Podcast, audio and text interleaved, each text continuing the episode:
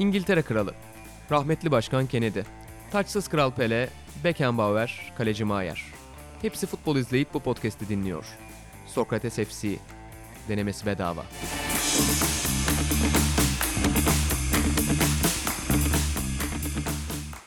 Sokrates'ten herkese merhabalar. Sokrates FC'nin yeni bölümüne, 21. bölümüne hoş geldiniz. Türk futbolu adına çok özel bir gün elbette. Türk futbolu adına çok tarihi bir günden geçiyoruz. O yüzden de burada ben İnan Özdemir, e, Aran Atapilavoğlu ve Atahan Altınordu ile bir podcast yapalım dedik Sokrates FC'nin yeni bölümünde. Neden özel bir gün? Zaten futbolu takip edenler biliyordur bunu. Bugün çünkü Atahan Altınordu'nun Türk spor basınına girişinin 10. yıl dönümü. Yanlış mıyım Ata? Doğru bugün 10. yıl dönümü. 10 sene önce bugün Türk futbolu Atahan Altınordu'yu kazandı. Yok, estağfurullah. Aslında ondan önce yeni sende yan sendeler bilmem neler ondan önceydi. Galatasaray TV'de yaptığımız o çirkin program falan ama 10 yıl önce bugün maaşlı çalışmaya başladım. Stajyer olarak Ha bu maaşlı günün girmiştim. yani. Evet. Ha, ben daha tarihi simgesel Mehmet abi demişti işte patronumuz e, fazla da maddi olarak destek olamayacağım ama bir 500 lira düşündüm falan. Lan demiştim bu para harca harca bitmez. Yani gerçekten çok büyük bir para gibi geliyordu bana. Sonra iki, Bitti. bitti bitti 2 3 Sen ay bir sonra. seferde yersin o parayı zaten. Yok öyle değil. Neyse şimdi bu bir detaydı geçtik. Çok teşekkür ediyorum bu güzel tarih için. Ben de gelecek sene aram bu arada. 10. seneme yaklaşıyorum. Ben de 2010'da girmiştim. 2020'de. 10. sene hep beraber kutlarız. Bir ortak noktamız da bu 10 sene nedeniyle okulumuzu bir türlü bitirmemiş olmamız. evet aynen bitmemiş olması hala. Bugün 21. bölüm dedik. Buna da özel olarak ofisimizin 21 yaşındaki isimlerinden Aran'ı getirdik. Wonderkid. Milli takımımızda bolca bulunan Aynen. genç yeteneklerden. Çünkü şimdi Euro 2020'ye giderken gençleşelim diyoruz. E hadi gençleşelim o zaman. Yani Sokrates de biraz kendine bakmalı ve bazı dinozorlardan kurtulmalı. Hala Atan Altın orada burada olsa da. E, dinozorlardan kurtulup Arhan gibi genç yetenekleri biz de Euro 2020'de piyasaya sürmek istiyoruz. E, Neyse çok uzattım. Türkiye maçı üzerinden çıkalım. Yani bir sohbetimize oradan başlayalım. Türkiye İzlanda karşısında enteresan bir maç oynadı. Yani kaleye vurmadığımız şutların tehlike yarattığı bir karşılaşma yaşadık. E, İki tane hakikaten çok garip pozisyonda gol bulabilirdik. Onlar da yani İzlanda'nın yakın tarihinde olduğu gibi Türkiye karşı çok ciddi fırsatları vardı. Genel anlamda gergin ama güzel bir maçtı açıkçası. Ben keyif aldım. Maç üzerinden ve grup performansı üzerinden başlayalım. Ne- nereye koyuyorsunuz? Yani Türkiye'nin yakın futbol tarihinde çok özel bir başarı herhalde bu. Yani Fransa ve İzlanda'nın olduğu gruptan uzun süre grubu çok iyi götürüp son maçlarda da istikrarını koruyup bu performans sürdürmek. Bana vaktine göre Senden başla. evet ben de nereden başlasam diye düşünüyorum. Şuradan başlayabiliriz aslında. Hiçbirimiz böyle bir şeyi tahmin etmiyorduk. Hani çok net olarak bunu söyleyebilirim. Bundan çok değil bir sene önce bu Uluslar Ligi'nde böyle İsveç, Ukrayna gibi aslında şu an bizim grubumuzda bulunan takımlardan bir tık altta diyebilirim. Ee, bu takımların olduğu grupta küme düştük. Hiçbir şekilde ışık vermiyorduk. Ee, milli takımla insanlar arasındaki mesafe çok fazlaydı. Yani Mehmet Topal stoper oynuyordu. Çağlar yeni yeni hani onu kesip 11'e girmişti. Yani pozitif çok az şey vardı. Lucescu tartışılıyordu hatırlarsın. Şimdi çok başarılı olunca bu arada Lucescu'nun mirası diyen bir sürü insan çıktı ama anlamıyorum hani hiçbir şekilde sadece ya şimdi direkt konu değil oraya bağlanmayayım ama şu detayı verebilirim. Kalede Sinan Bolat vardı. Bir sürü yani forma adaletli bir şekilde dağıtılmıyordu. Yeni bir jenerasyonun aslında önü çok açılmıyordu. Sadece iş çok kötü gittikten sonra bari hani gençleri oynatalım diye gençlere gidildi. Sonra bir Fransa maçıyla aslında bir Fransa maçıyla bütün çehresi değişti milli takımın. Böyle yani Ki bu- öyle bir burada- şeye de ihtiyaç vardı aslında. Yani Türkiye'de Türk milli takımının üzerindeki hava Euro 2016'dan sonra futbol içinde bir hava değildi. Çok daha karanlık bir havaya bürünmüştü. Ki Euro 2016'ya gidiş de çok büyük başarıydı aslında bakıldığında. Çünkü Türkiye yani sürekli turnuvalara giden bir takım değil. Her ne kadar biz İzlanda'yı da yenmeliyiz diye sürekli Evet. konuşsak da gidemiyoruz abi Yani yani. Şimdi çok enteresan. Biz yani hatırlıyorum en iyi ihtimalle o muhteşem bir karikatüre de konu olan o onun yense, bu bunun yense, Evet. bilmem ne kura çekse, buradan işte gol haberi gelse, diğer gruplardan da 9 tane maçın 7'si berabere bitse gidiyoruz derken bir hafta kala gitmişiz ve bu arada yani şimdi konu buraya geldi diye buraya gireceğim. Neden İzlanda'yı yenmedik diyen çok fazla kişi var. Biz grup lideri olmalıydık, seri başı olmalıydık. Şimdi ben mi yanlışım Baba var biz diye ne zaman İzlanda'yı yendik? Bayağıdır yenemiyoruz, Yenemiyoruz. zaten. Bir önceki şeyde yani yenmemiz lazımdı. Yenmek için oynadık. 3-0 yenildik yanlış hatırlamıyorsam. Şimdi beraberlik için oynadık. Neden lider olmadık? Liderlik şansını teptik. Bu arada hani baktım e, yanlışım yoksa ben şimdi yönetmeliği açtık baktık 3-4 arkadaşımla beraber içeride.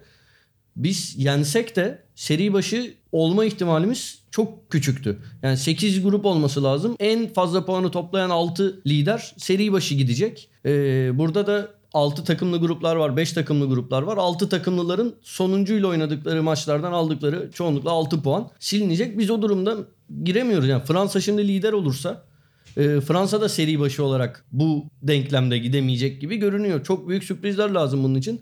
Kaldı ki onu bırak. Hani niye Andorra maçını tehlikeye sokalım ki? Daki- Andorra'yı burada zaten 1-0 zar zor yendik. Orada da ben bir de açtım hava durumuna baktım. Pazar akşamı. O kadar detaylı Ba- çalışmışsın ba- ki. baktım merak ettim çünkü bu yorumlara çok kızıyorum ben. Milli takımla ilgili yapılan yorumların daha doğrusu ben her şeyle ilgili yapılan ezber yorumlara çok kızıyorum. Eksi 5 derece yoğun kar yağışı var. Yani böyle biz Andorra'yı yenemiyorsak gitmeyelim zaten falan. Ya böyle bir şey mi çok var? Dakikalar ilerledikçe şey olacak. Neyse ben biraz eleştirileri Sen eleştirmeye fazla başladım. Boş. Ya hayır fazla takılmıyorum da yani akşam açtım televizyonda da gördüm.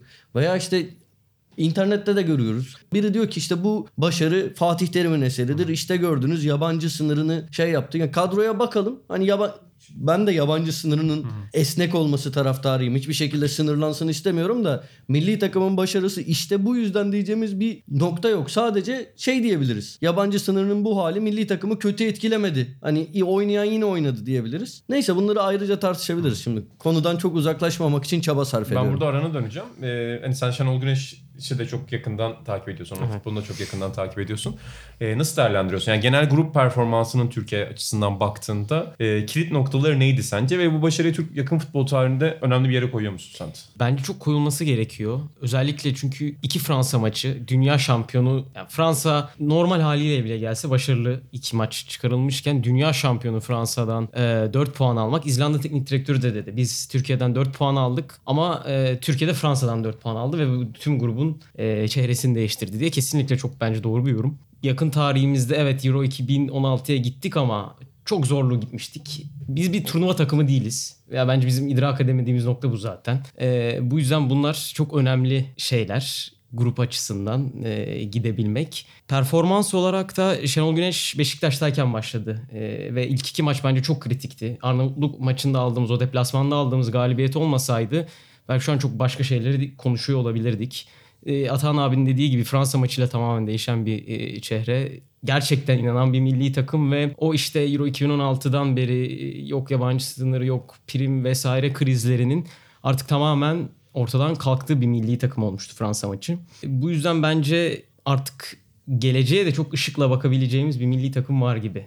Peki sana burada şeyi soracağım Aran. Şimdi Şenol Güneş demişken Beşiktaş'ta da sen hani oyun planı anlamında, taktiksel anlamda onu takip ediyordun. Ben askerde Türkiye-Fransa ikinci maçını izledim. Yani bileceğiniz üzere herkes ben de dahil futbolu çok iyi biliyordu orada. Yani gazinoda maçı izlerken yani Şenol Hoca zaten hoca da demiyorlardı şimdi ben burada kibarca söyledim. Şenol zaten futbolu bilmiyor. Çıkardığı takıma bak Fransa deplasmanda diyorlardı. Ha, Bir takım planı söylediler asker arkadaşlarım. Yani orta sahada Yusuf'la Hakan Çalhanoğlu ön libero'da oynuyor. Saldıran, ısıran bir Türkiye. Tabii ki her zaman öyle güzel. Çünkü biz biliyorsun savunma takımı olmadığımız için biz Fransa deplasmanına gideceğiz. Fransa diyeceğiz ki beyler biz geldik 4-4-2, 4 ucumcu, 2 ucumcu, 6 ucumcuyla saldıracağız Fransa'ya. Abi bu arada benim en sevdiğim futbol yorumları bunlardır. Isırmak mesela. Aynen. Soyut, ısır. Osman Şener gelir aklıma ısırmayı duyunca veya şey. Baba!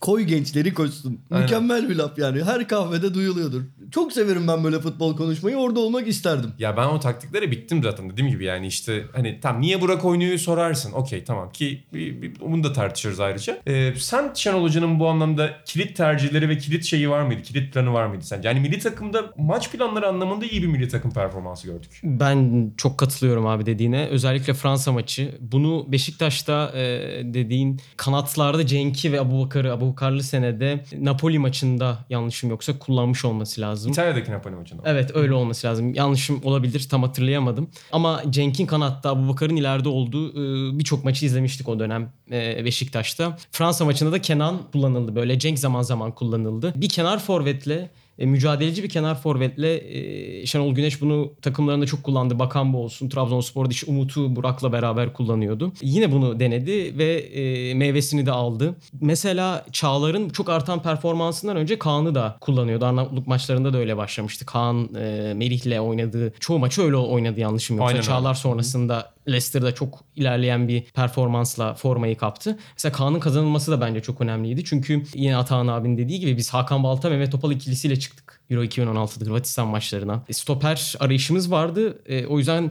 evet Çağlar, Merih çok iyi ama bir şey olursa Ozan da var burada. Ozan da var, aynen muhteşem. Yani çok hüzünlü bir şey Ozan Kabak gibi bir oyuncunun yedek, Yedek olması. olması. Ama çok da iyi bir şey. Aynen öyle ve işte ya Kaan'ın da kazanılması gerekiyordu. Çünkü bunu da mesela başka bir şekilde bek olarak da kullanıyor. Onu söyleyecektim. e, hoca e, yine e, aldığı oyuna. E, bu yüzden savunma içerisinde ne kadar değişken olabilirsek bence bizim için çok önemli. Bir sol bekte bir sıkıntımız var gibi gözüküyor. Ama Umut e, dün çok iyiydi. Onu da eğer çözebilirsek bu maç planlarında hocanın eli iyiden iyiye güçlenecek ki havuz çok geniş. Yani her türlü değişikliğe gidebilir. Ya şimdi bu arada hani böyle bir değişiklik gerektiği için söylemiyorum. tabii ki Milli yani, takım, gerekirse. Yok yok başka bir şey Ha. söyleyeceğim. Kendim ön açıklama yapıyorum. E, gayet iyi oynayan bir milli takım var ama kadroya ilk etapta baksam e, şey derim. Üçlü savunma mı acaba bu takım oynasa derim. Ozan, Merih, Çağlar gibi bir üç oyuncu. Beklerde hafif yani sol bekte hafif bir şüphe falan acaba öyle bir görüntü şey öyle bir düzene mi geçilse denilebilir o da belki bir opsiyon olur. Yani turnuva zamanı Evet. böyle maçına göre.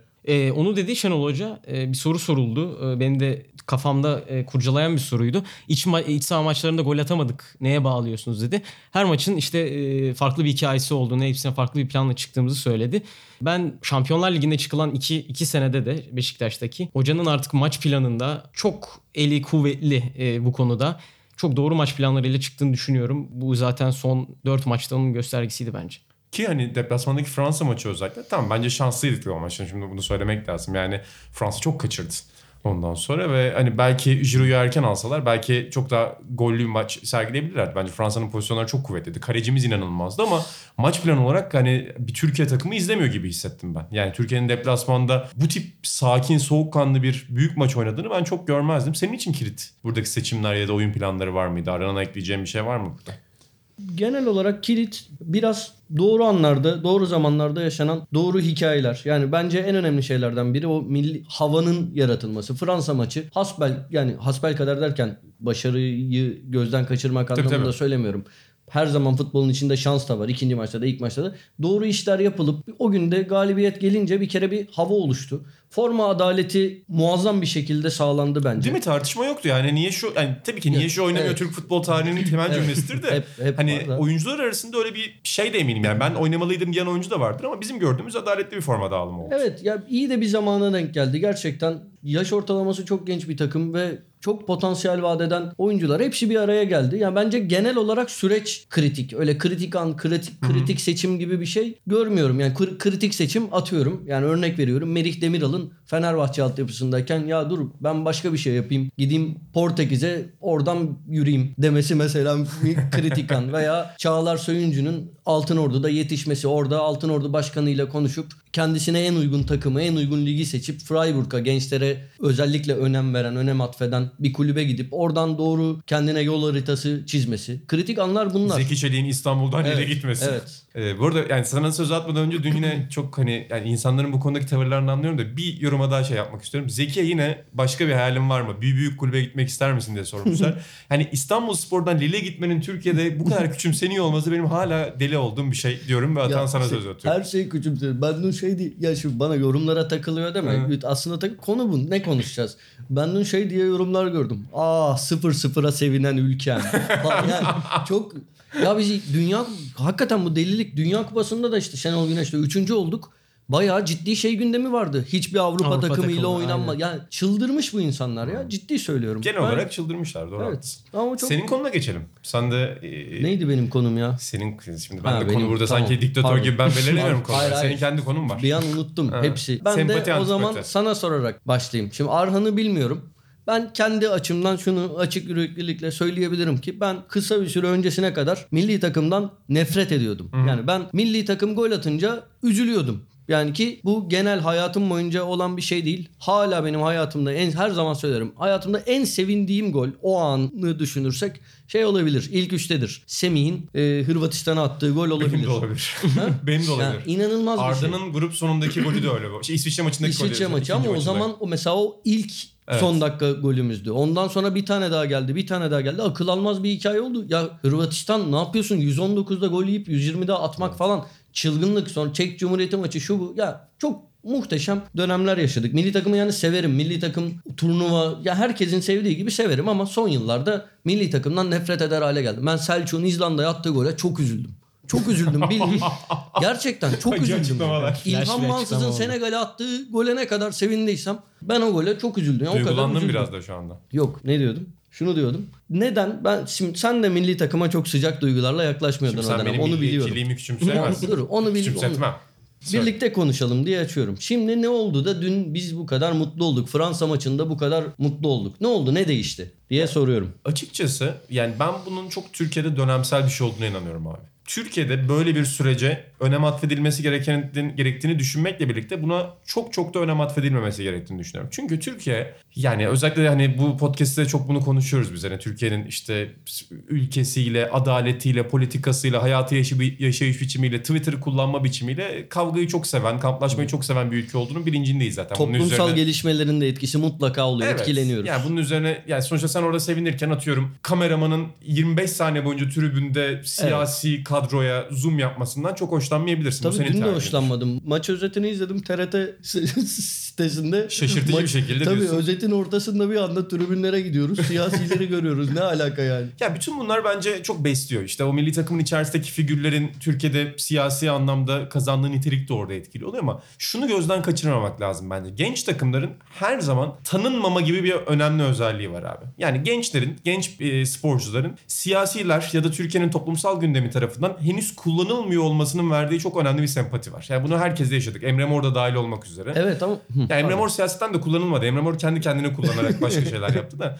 E, o yüzden de hani bunun keyfini çıkarıyorum. Ben de çok keyif aldım. Benim mesela tekrar Türkiye milli takımına sempati duymamı sağlayan şeylerden böyle. Bu arada hani Bizanlı maçında attığımız gol değil. Euro 2016'ya giderken hani ben dedim ki benim hayatımda en mutlu olduğum şeylerden biri. Bir yaz turnuvasında Türkiye'yi izlemekti. Tabii. O beni mutlu etti mesela. Yani ben tamamen dümdüz bir şekilde başarıya endeksli bir taraftarım burada. Ama sadece başarı da değil bence. Hani bu oyuncuların şu anda henüz çok taze ve kariyerlerinin başında olmaması. e, bu oyuncuların henüz bir yanlış adımını görmememiz. Saçma sapan bir açıklamalarını izlemememiz bence burada çok kilit. Çünkü yani hayat da hayatın kendi akışı da Tür- Türkiye'de sporcuları belli konumlar almaya zorluyor. Bazen isteyerek bazen istemeyerek onlar da yanlış yapıyorlar. Ve seyirci olarak bundan soğuyabilirsin. Bu çok normal bence. O yüzden buna biraz dönemsel bakıyorum. Umarım devam eder. Tabii burada senin söylediklerine ek olarak söyleyeceğim. Muhalefet değil zaten aynı kapıya çıkıyor söylediğin diğer şeylerle ama bizim de gençlere biraz daha toleranslı davranmamız da bunda etkili. Sadece onların hata yapmamış olması değil. Mesela önce şunu söyleyeceğim. Ben e, şey konusunda bir olumsuz hiçbir eleştirim yok. Bilakis Türkiye'nin tarafındayım.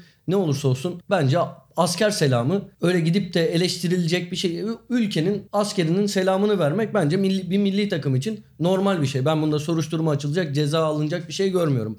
Ama ne olursa olsun mesela Merih Demiral'ın Fransa maçında Kaan Ayhan'a yaptığı baskı, ona asker selamı verdirmeye çalışması kötü bir hareketti. Bence arkadaşını zor durumda bırak, bırakacak bir hareketti. Biz bunu Merih genç diye hani ben de dahil çok büyütmedim. Hani hata yaptı dedik geçtik. Aynı şeyi mesela bir Arda Turan'ın yaptığını ben bir türlü konuşamadım. Düşünelim. Çok daha büyük E tabii reaksiyonlar var. verecektir. Ya hayatta her zaman bu tip birikimler önemlidir. Yani sonuçta ya burada sporculara toleranslı olmamız gereken bir durum da değil. Sporcular da bize de bir şey borçlu değiller. Yani Türk milli Tabii takımı ki şu an bana tabii hiçbir ki. şey borçlu değil. Yorum olarak. Ha, anladım yani ben sana bir şey olarak söyleyeyim. Yani Türk milli takımının bana herhangi bir borcu yok. Merih'in yapması gereken hayatında kendi tercihlerini ve seçimlerini yapıp kendi Kesinlikle. futbolunu ve profesyonel yaşamını en iyi şekilde yapmaktır. Ama senin bahsettiğin pencereyi de anlıyorum. Sempati antipati anlamında şu an daha iyi bir noktadayız. Evet. Yani yarın öbür gün şu olacak çünkü. Mesela hatta şuradan örnek verelim.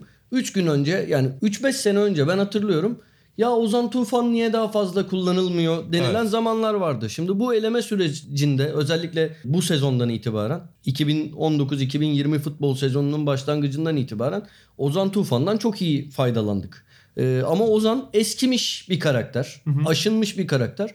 Çok iyi oynarken bile ya tamam da yani veya Türkiye başarıya giderken Evet. bile Ozan'la nereye gideceğiz? Yarın öbür gün bunları şimdinin çok sevdiğimiz bu Haklısın. çocuklarına da yapacağız. Ne yazık ki insanların yüzleri eskidikçe garip garip reaksiyonlar de verebiliyoruz. Yani şey burada aranında da topu atacağım. O da Şenol Güneş'in bir açıklaması olduğundan bahsetmişti bu konuda maçtan sonra. Ya bir de hani e, şu anda yaşadığımız çağın bize çok getirdiği bir şey var. Hani insanların kültürel bagajlarını ya da insanların sportif ya da kariyer bagajlarını aklımızda tutmayı çok iyi beceriyoruz. Çünkü sürekli karşımıza çıkıyor. X bunu yaptı, Y bunu yaptı, Z bunu yaptı. Beyin biriktikçe artık o unutmama süreci artık şey oldukça da sürekli üzerine karşına geldikçe e, televizyonda gördüğün insanlar için de bir handikap oluyor. Zaten mesela şu anda magazinden e, spora kadar birçok ünlünün eskisi kadar açıklama yapmaması, eskisi kadar röportaj vermemesi ya da gündelik hayatta eskisi kadar karakterlerini ortaya koymamasının temel sebebi bu korku. Çünkü artık insanların yaptığı en ufak bir hata bile insanların kariyerlerini bitirmeye ya da o kariyerlerin üzerine bir çentik atmaya, bir çizgi atmaya yetiyor. O yüzden mesela Perihan Maden de hep söyler. Yani şu anda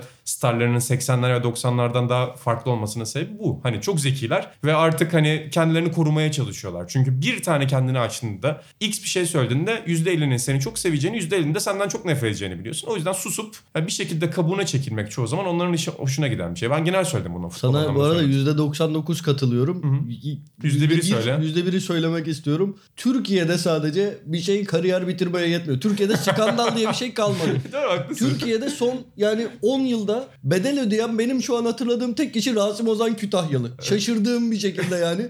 Başka bedel ödeyen kimseyi görmedim. Ya, haklısın. Türkiye'de biraz daha farklı yani. Türkiye'de hani Türkiye'de bu konular farklı işliyor. E, Şenol Hoca ne demişti bu arada? Futbol kültürümüzü değiştirmeliyiz. Ee, sevgi ortamı oluştur bu sevgi ortamını oluşturmak için çok uğraştık. Bunu da devam ettirmeliyiz. Gençlerin önünü açmalıyız. Böyle bir hayalim var tarzında bir cümle kullandı Şenol Hoca. Ben abi şeye değinmek istiyorum. Dönemsel e, demiştin.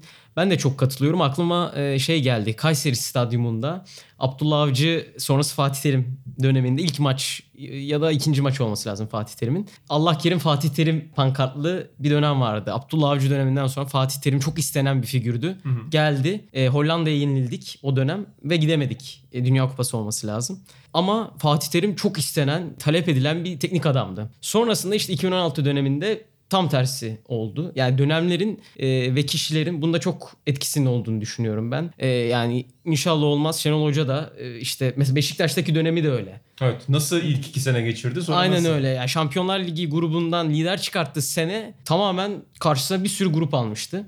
Yine aynısı olabilir. Yani o yüzden çok dönemsel yaşıyoruz biz her Olabilir şeyi. değil. Olacak bence. Aa, o- lafını aa, böl, böl, doğru, bölüyorsam özür dilerim ama yani Bursa Spor'u şampiyon yapan Ertuğrul Sağlam Aynen tribünlerin yuhalamaları küfürleri arasında ağlayarak istifa etti. Veya ya şu anda bile Şenol Güneş'i inanın söylediğinden bağlayayım hatta. Dedin ya bagajlar biriktiriyoruz artık önümüze sürekli çıkıyor. Şöyle de bir şey var. Bir yandan onları biriktiriyoruz. Bir yandan farkında olmadan veya farkında olarak ya bagajdaki aslında görmek istemediğimiz şeyleri de kenardan boşaltıyoruz sürekli. Biz Evet. görmek istediğimiz taraftan görüyoruz. Şu anda mesela milli takıma yaklaşan yani insanların milli takıma yaklaşmasında hala işte şu alt kabuller veya taraflar var. Bir, bir tanesi Fatih Terim Şenol Güneş çekişmesi açısından bakıyor. Şenol Güneş'i eleştirmek için yer arıyor. Başka bir tanesi işte Beşiktaş'tan gidişine atıyorum kızgındır. Oradan veya işte Beşiktaş'ta oynattığı Güven Yalçın'ı burada neden oynatıyor? Neden oynatmıyor? Oradan bakıyordur. Herkesin görmek istediği bir yer var. Oradan görüyor. Dolayısıyla şu anda bile hani benim gördüğüm insanların yarısı Şenol Güneş'i desteklemiyor. Bütün şu başarıya rağmen. Yani desteklemek ya sen de desteklemeyebilirsin. Ben de etme ama başarıyı görmüyor. Yarın öbür gün en ufak başarısızlıkta bu sefer onların sesi yükselecek. Yani daha çok yükselecek. Yo o, ya, o konuda çok haklısınız. Yani hakikaten e, dönemsel olarak biz yani Türkiye'nin kimse gelecek 10 yılına bakıp işte mesela şimdi deniyor ya Merih ve Çağlar işte Ozan 10 sene stoper bölgemizde tartışma yaşamayacağız. Bak futbol anlamında doğru olabilir ama önümüzdeki 10 sene eğer Türk futbolu tartışma yaşamasın stoper mevkinde ben bu işi bırakırım. yani gerçekten yani böyle bir böyle bir yalan bir İnanın, ütopya yok yani. Ben de Balıkesir'e koşarım demiştim bu podcast'te. Bence Batman demiştim hatta. Batman'a Bence bu kadar iddialı söylemlerde Ya bulunmayalım. çünkü gerçekten yani Merit de Çağlar da olağanüstü oyuncular. Akan oyunda gol yememiş olmamız muhteşem bir şey. Yani hakikaten Ozan senin söylediğin gibi ben Ozan'ı çok izleyemedim. O yüzden şu anda özellikle son yakın dönemde çok izleyemediğim için bilmiyorum seviyesini ama Ozan da o, o seviyede bir stoper olduğunu eminim yani. Valla geçen sene bu vakitler podcast'te konusu geçtiyse ben Ozan için şey düşünüyordum. Söyle, söylemişimdir kesin yani bu podcast'te. Bir iki sene içinde Türk futbol tarihinin gelmiş geçmiş en iyi stoperi tartışmasız Ozan olacak dedim. Bir sene içinde adam milli takımın 11'ine giremeyen hale geldi. Bu akıl almaz bir şey ya. İşte orada bak bütün bu iyilere rağmen ben biliyorum ki biz önümüzdeki 10 senede bin tane tartışma yaşarız bu stoper verme mümkün. İkincisi hani neden bu konularda baktığımız yerden bakmayı seviyoruz ve saçma tepkiler Bence veriyoruz. yaşamayacağız bu arada yani. İnşallah Çağlar da. Melih de 40-50 milyona transfer yapacak. Şu an akıl Zaten almaz mı? abi. Biri Yani Juventus'ta biri Leicester'da. İnanın yani Evet. çok çok iyiler ya. Merih Demiral işte Van Dijk'tan biraz kötü. Ya hakikaten çok acayip. Ama benim Biraz mübalağa ettim de. benim Türk futbol iklimine dair dediğim yani o dönemsel diyoruz ya. Yani mesela Bülent Korkmaz açıklama yapıyor. Diyor ki Çağlar ve Merih benden iyiler. İnanılmaz Alakasız bir ya. konu. Çok- Dur. İnanılmaz. Bu konuya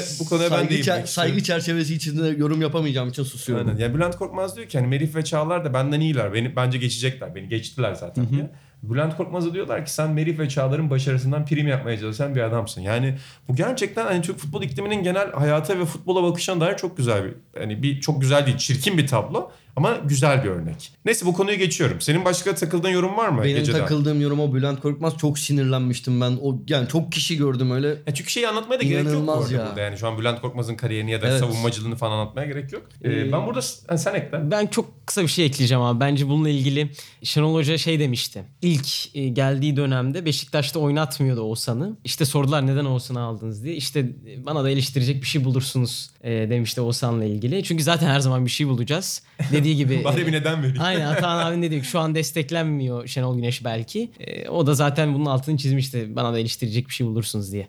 Anladım. Çok kısa bir şey ekleyeyim mi? Demin hani pası atmıştım havada kalmasın diye. Ekle bakalım. Uzun uzun bu başka bir zamanın konusu da. Bu yabancı sınırı ekseninde milli takım görme şeyinden bahsettim ya az önce. Hani o açıdan değerlendirme. Yabancı sınırı olunca milli takım bu hale geldi bak ne güzel diye. Tekrar vurguluyorum hani yabancı sınırı olmasın, serbest olsun. Belli kriterlerle birlikte serbest olsun tarafındayım. Ama şimdi şöyle milli takımda çok oynayan oyunculara baktım. Hani hangisi yabancı sınırı sayesinde sırf bu yüzden yurt dışına çıkmış ve futbolunu geliştirmiş diye düşünürsek ya şimdi kaleciler zaten son yıllarda milli takımda 5-6 tane kaleci var. Birazdan konuşuruz. Hepsi oynayabilir. E, son yıllarda bir sürü iyi yerli kaleci yetişti.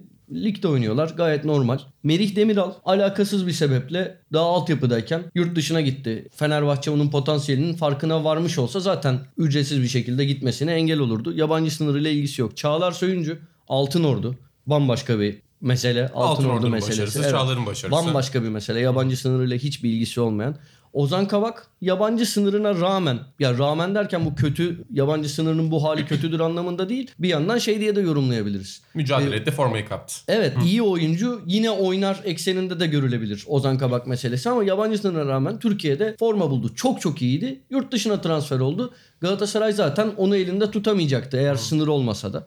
Kaan Ayhan gurbetçi. Mert Çetin burada Önder Özen'in bahsettiği mesele var biraz. Ben de hani bu bakış açısına sahip değildim ama o söyleyince mantıklı geldi. Bir iki arkadaşımla daha konuştum altyapılarda çalışan. Altın Ordu sayesinde alt liglerin izlendiğini, Altın Ordu maçlarının izlenip oradan oyuncuların keşfedildiğini söylüyor. Mert Çetin bunun bir örneği. Zeki Çelik yine bunun bir örneği. Mert Müldür, gurbetçi, Nazım Sangare'yi geçiyorum zaten onlar yedeğin yedeği. Umut Meraş burada görülebilir. Eğer yabancı sınırı olmasaydı, e, bu şekilde olmasaydı Galatasaray'ın, Fenerbahçe'nin, Beşiktaş'ın kadrosuna katabileceği bir oyuncuydu. O gitti Fransa 2. ligine ve gerçekten Fransa'da kendini çok geliştirdiğini zannediyorum. Dün ben çok beğendim. Türkiye Ligi'nde de çok güzel çok beğendiğim bir oyuncu değildi yani. ilgimi çeken bir oyuncu değildi. Sıradan bir sol bek gibi görüyordum ben onu. Ya öyle çok öne çıktığını zannetmiyorum. Hasan Ali'yi geçiyorum. Okay yokuştu. Belki hani bir ihtimal. Yine gidebilirdi belki. E, Kalabilirdi bilmiyorum. Fena bir örnek değil ama Okay Yokuş'ta Evet. gidebilir. Fena, yani şeyin yanına Umut Meraş'ın yanına yazabiliriz. Bakıyorum Mahmut Tekdemir, Ozan Tufan, İrfan Can, Dorukan, Emre Belezoğlu hiçbirinin ilgisi yok. Yusuf Yazıcı yine elde tutulamayacak bir oyuncuydu bence. Cenk Tosun yani bunlar parlayıp da giden oyuncular. Cengiz Ünder Altınordu. Yani Hakan Çağlanoğlu gurbetçi. Yani burada nerede mesela yabancısın? Benim yanıldığım bir nokta var mı? Bu sayede mi milli takım başarılı oldu? Şu anda ikimiz de kafa salladık. Evet. Bana katıldık. Ama takımı Tamam. tek tek sayman güzel oldu bu arada. Yani takımın üyelerini de tek tek görüp onların yolculuğunu görmek açısından da iyi oldu. Hatta sizin dosyada sizin iki ay önce Buray'la yaptığınız yabancı sınır dosyasında Önder Hoca'nın çok güzel bir lafı vardı hatırlıyor musunuz? Siz soruyorsunuz hani böyle bir bağlantı var mı? Vallahi böyle bir bağlantı var mı bilmiyorum. Eve gideyim bir düşüneyim. hani böyle bir bağlantı var mı diye bir cevabı vardı. O çok samimi ve hoş bir cevaptı bence. Hani bu bağlantı açısından. Sanata isimleri saymışken ben burada aranın konusuna gelmek istiyorum. Çünkü demin sanki ben konuları dağıtıyormuşum gibi bir hava yarattın ama burada gerçekten ben biraz aranı zorladım. Yaş farkında kullanarak. Senin konun neydi Aran? Euro 2020'de nasıl bir milli takım bekliyoruz ve hani neler olacak ileride? Ya tabii ki grupları bilmeden falan filan Euro 2020 tahmini yapmak imkansız. Türkiye şuraya gider, buraya gider ya da Hıncal abimiz gibi Türkiye'nin şampiyon olamaması bir başarısızlıktır falan demek. Yani 2002'de olduğu gibi gariplik olur ama sen mesela 2020 kadrosuna baktığında mesela Burak tartışılıyor atıyorum şu anda. İşte Mahmut üzerine tartışma yapanlar var ki belli açılardan çok iyi performans gösterdiğini düşünenler de var. Yusuf'un yedekte olmasını eleştirenler var. Nasıl değişiklikler bekliyorsun Türkiye'ye 2020'ye giderken? Kimler girebilir bu kadroya? Şu an hiç düşünmediğimiz mesela. Hiç düşünmediğimiz muhtemelen bir forvet girecek. Hoca da bunu söylüyor ve gol atmada sıkıntımız var gibi hissediyorum. Son bir 4-5 maçta 1-0'la geçtik çoğu maçı. Bu yüzden bir forvet görebiliriz. Enes çalıştığı bir isim ama ona çok şans vermedi ki aslında ortamda olmadı. Çünkü çok kritik maçlarda hepsi. Burak güvenmemiz zor bir isim sakatlığından ve yaşının getirdikleriyle ilgili söylüyorum. Cenk'i görebiliriz ama Burak da Şenol Hoca'nın asla vazgeçmeyeceği bir isim. Ki topsuz oyunda da bence çok kendini gelişti. O Fransa maçı, içerideki Fransa maçı, yani dünkü maç gerçekten üst düzey oynuyor. Kim girebilir sorusu Abdülkadir herhalde orada. yani sakatlıktan Santrfor düşünüyorsak Ahmet Kutucu'yu bu hafta Evet, görme hafta şansımız olacak. göreceğiz. Çok potansiyelli bir oyuncu olduğu söyleniyor. Açıp 90 dakika izlemedim ama internetten görüntülerini izledim. İzleyenler de mesela Fatih'le konuştum. Gerçekten gümbür gümbür geliyor dedi. Zaten Türkiye Almanya arasında da e, tartışma çıkaran bir oyuncuydu. Belki hani onu göreceğiz. 19 yaşında daha ama onu eklemek istedim santrforlar konuşulurken. Ee, Santrafor benim aklıma başka şu an ne? Ya Adem Büyük belki olabilir. Andone sakat, Falcao sakat. Yükseltirse formunu. Umut Nayır belki olabilir ama Burak geri döndü. Ee, Herhalde o da yedeğe çekilecektir. Başka benim aklıma şu anda gelmedi. Ama iç sahalardaki sıkıntıya ben bir değinmek istiyorum. Şunu bir de farklı yorumdan görebiliriz bence. Türkiye neden gidemiyordu? Bu işte tıkanan maçları bir türlü açamadığı için gidemiyordu. Büyük maçlarda değil işte Arnavutluk, Andorra, Moldova maçlarında takıldığı için gidemiyordu ve biz Arnavutluk'u, Andorra'yı 90'da yendik. Evet çok iyi bir tablo değil belki istediğimiz bir tablo değildi 90'da yenmek ama bu takım e, tesadüf olmadığını gösterdi. Son topa kadar oynayabileceğini ve bu maçları yenebileceğini gösterdi. Bence bu grup aşamasında çok önemli olacak. Çünkü tabii ki bir seri başı e, ya da büyük takım gelecek elbette. Onun dışında bizim kaza yapmamamız gerekiyor. Onu da yapabilirsek bizim açımızdan parlak bir Euro 2020 olabilir ama dediğin gibi tabii ki abi Kur'an'ın Evet. çok çok önemi var. Bir de ben e, girmeden önce bir şey baktım. 3 gol yedik. Dediğin gibi akan oyunda hiç gol yemedik. 3 golden az yiyen Ukrayna, İtalya, Belçika, Polonya var. Ee, İtalya zaten hani şaşırtıcı bir şey değil. Belçika'nın grubu da Belçika inanılmaz favori orada. Bir herhalde Ukrayna ve Polonya şaşırtıcı olabilir. 3 gol yemek gerçekten çok çok büyük bir başarı ve grupta elimizi bence bu güçlendirecek gibi duruyor. Ve Aran orada hani şunu da diyebiliriz. Mesela diğer sporlarda da bu vardır. İşte mesela bir NBA'de bir takım 10 maç çok iyi başlar. Bakarsın istatistiklere çok az sayı yemişlerdir. Çünkü aslında rakipler iyi şutlar bulmuştur ama o şutları değerlendirememişlerdir. Sporda bu olur yani. Küçük örnekler üzerinden yorum yaptığın zaman bazen yanıltıcı olur ama oyunu izlediğin zaman Türkiye'nin neden gol yemediğini anlıyorsun. Yani Evet. Bence mesela dediğim gibi deplasmandaki Fransa maçında hakikaten pozisyon verdik ama onun dışında grup maçlarını gördüğün zaman ki pozisyon ver zaten. Dünya şampiyonluğuna Tabii ki. pozisyon vermek en doğal şey. Diğer maçlara da baktığın zaman hani gol yemeyeceğine dair bir güven var gibi takımın. Aynısını söyleyecektim ama mesela içerideki Fransa maçında hani klişe tabir var ya sabaha kadar oynasak Aynen. gerçekten sanki sabaha kadar oynasak yemeyecek. Bu birkaç maçta daha oldu. Ee, bu takım bu güveni veriyor bize. Ki Türkiye e, milli takımında bu güveni alabilmek tam tersi olur yani. Bu takım kesin gol atar kadroları hep izlemiştik. Bence bu güven tersten olarak çok değerli geliyor bana. Atan sen rotasyonda ne diyorsun? Yani mesela Hakanlar, Ozanlar, Buraklar. Bunlar en çok tartışma yaratan Türk oyuncular. Mahmut. Bunlar mesela olacak mı Euro 2020 az kadrosunda? Yani Mahmut olmazsa ayıp olur. Zaten buraya gelmemizde en çok pay sahibi olan 4-5 tane oyuncudan bir tanesi. Şöyle çok kısa şuna bakalım. Kalede zaten sıkıntı yok. Orada hatta benim tek sıkıntım ya Uğurcan çok iyi kaleci ama buraya kadar da Mert'le geldik. Muhteşem bir performans iyi- sergiliyordu. Yani Mert son- mi? Evet yani hakikaten. Evet yani Uğurcan oynayamıyor diye üzülüyorum ama ben de olsam şu an Mert oynatırım. Stoperleri demin konuştuk. Yani oynayamayana Ozan'a Kaan'a üzülüyorum. Çok çok iyi bir stoper rotasyonu. Sağ bekte Zeki'ye güveniyorum. Yedeği işte Kaan da var. Hatta ben yani şeyi bile beğeniyorum. Yani bence olsa sırıtmaz. Nazım Sangare'ye düşsek bile bence sırıtmaz. Ama Zeki Ben- Gökhan'ı da Zeki çok alabilir iyi bir belki. bek. Efendim? Evet kesinlikle. Kimi? Ozan- Gökhan'ı da alabilir. Evet, bir kere kullandı galiba. Arnavutluk, Arnavutluk Evet. döneminde o iki maçta kullandı diye hatırlıyorum. Evet ama bence Belki sıra alabilir. gelmez. Yani şey muhtemelen. e, şey bile yani sonuçta sınırlı bir kadroyla gidiyorsun. Ee, öyle bir kadro seçeceksin ki her bölgeyi dolduracak. Ozan Tufan bile bir sağ bek alternatifi olabileceğini Aynen. gösterdi şu Orada anda. muhtemelen tercihini sol bekten kullanır. Ozan Ozan Yok hayır risk Heh. alacak yani Evet. bir tane destekleyecekse sol bek. Sol bekte soru işareti oluşabilir yani. Dünkü Umut Meraş'ı çok çok beğendiğimizi zaten konuştuk ya. Hakikaten ben mest oldum. Çok iyiydi. Ama daha önce böyle bir Umut Meraş görmediğim için bir şey söyleyemiyorum. Hasan Ali var. O da hani üzerinde tartışma olabilecek bir isim. Hani çok iyi de oynayabilir, kötü de oynayabilir. Her türlü Hasan Ali'yi gördük bugüne kadar. Orta sahada çeşit çeşit oyuncu var. Yani şey falan deme 6 8 falan demek istemiyorum da daha böyle savunmacı bir üçlü de kurabiliyorsun dünkü gibi ve bunları birlikte da hangi maçta kullandıysak çok verim aldık. Ee, Mahmut Okay yeri geldiğinde buraya Dorukan girdi. Yeri geldiğinde İrfan Can'la başka türlü bir üçlü kuruldu. Yani var mı unuttuğum biri bilmiyorum işte. Emre Ozan- Oz- girdi. Evet Emre girdi. Ozan Tufan o ilk saydığım üçlüden zaten bir tanesi. Öyle bir maç olur ki o üçlünün ikisini daha farklı kullanırsın. Hakan Çalhanoğlu'nu ortaya alırsın. Başka türlü bir hatta yani şimdi Toto gibi olacak da inanın ilk sorusu hiç beklemediğimiz kimler girebilir bu kadroya ya da mesela benim aklıma gelebilecek bir isim Mert Hakan Yandaş hani olur belki bu performansını sezona yayar. Sivas Spor'da lider. Hatta şu an mesela saymaya devam edeyim kadroyu. Sol kanatta bir eksiğimiz var gibi görünüyor. Emre. Normalde sol kanat oyuncusu olmayan Hakan Çağlanoğlu sol kanatta kullanıyoruz. Yusuf'u orada kullanabiliriz ama sanmıyorum milli takımda 23 kişilik kadroya girsin ama yine Sivas Spor'dan Emre Kılınç buraya bir opsiyon olabilir. Çünkü şu an hani ne dedik sol bek biraz soru işareti. Sol açık hani bence soru işareti de değil. Dediğim gibi Hakan oynuyor, Yusuf oynayabilir. İyiyiz ama Emre Kılınç olabilir. Sağda Cengiz'imiz var. Artı yararlanamadık sakatlık nedeniyle ama Abdülkadir var. Onların birini sağda birini solda bile kullanabiliriz. Her ikisinin de asıl mevkisi sağ olmasına rağmen. İşte forvet sıkıntılı ama Bakalım ne olacak. Yani ben mesela Enes Ünal milli takımın az forveti olabilecek bir oyuncu gibi görünmüyor. Evet hala çok genç. Kendine güzel bir yol çizdi. Güzel bir çocuk. Çok güzel konuşuyor. Çok güzel şeylerle meşgul. Müthiş bir figür ama kariyeri ileri gitmiyor. Geriye doğru gidiyor yani Enes Ünal'ın. Yanlışım yoksa bilmem katılır mısınız? Ama şu kadroya, şu rotasyona baktığımda gerçekten ben de heyecan uyanıyor. Yani yedeklerimiz bile Şeyi Çok çok iyi. hata. Ya orta sahanın mesela sen daha defansif tarafının ne kadar şey güvenli olduğundan bahsettin. Ofansif tarafındaki tercihi nasıl olacak hücumun? Yani mesela Hakan Çalhanoğlu çok iyi kullanıldı grubun belli maçlarında. Evet. Yusuf da olabilir. Yusuf'u nasıl Yusuf şu an mesela Lille'de sen benden çok izliyorsun. Yani ortada bayağı ne bileyim Yani mesela o tam bir kanat oyuncusu değil. O da kanatta problem yaşıyor. Hakan mesela kanatta biraz daha iyi idare ediyor. Belki Milan'dan dolayı. Yusuf biraz kanattan içeri geldiğinde iyi oynuyor.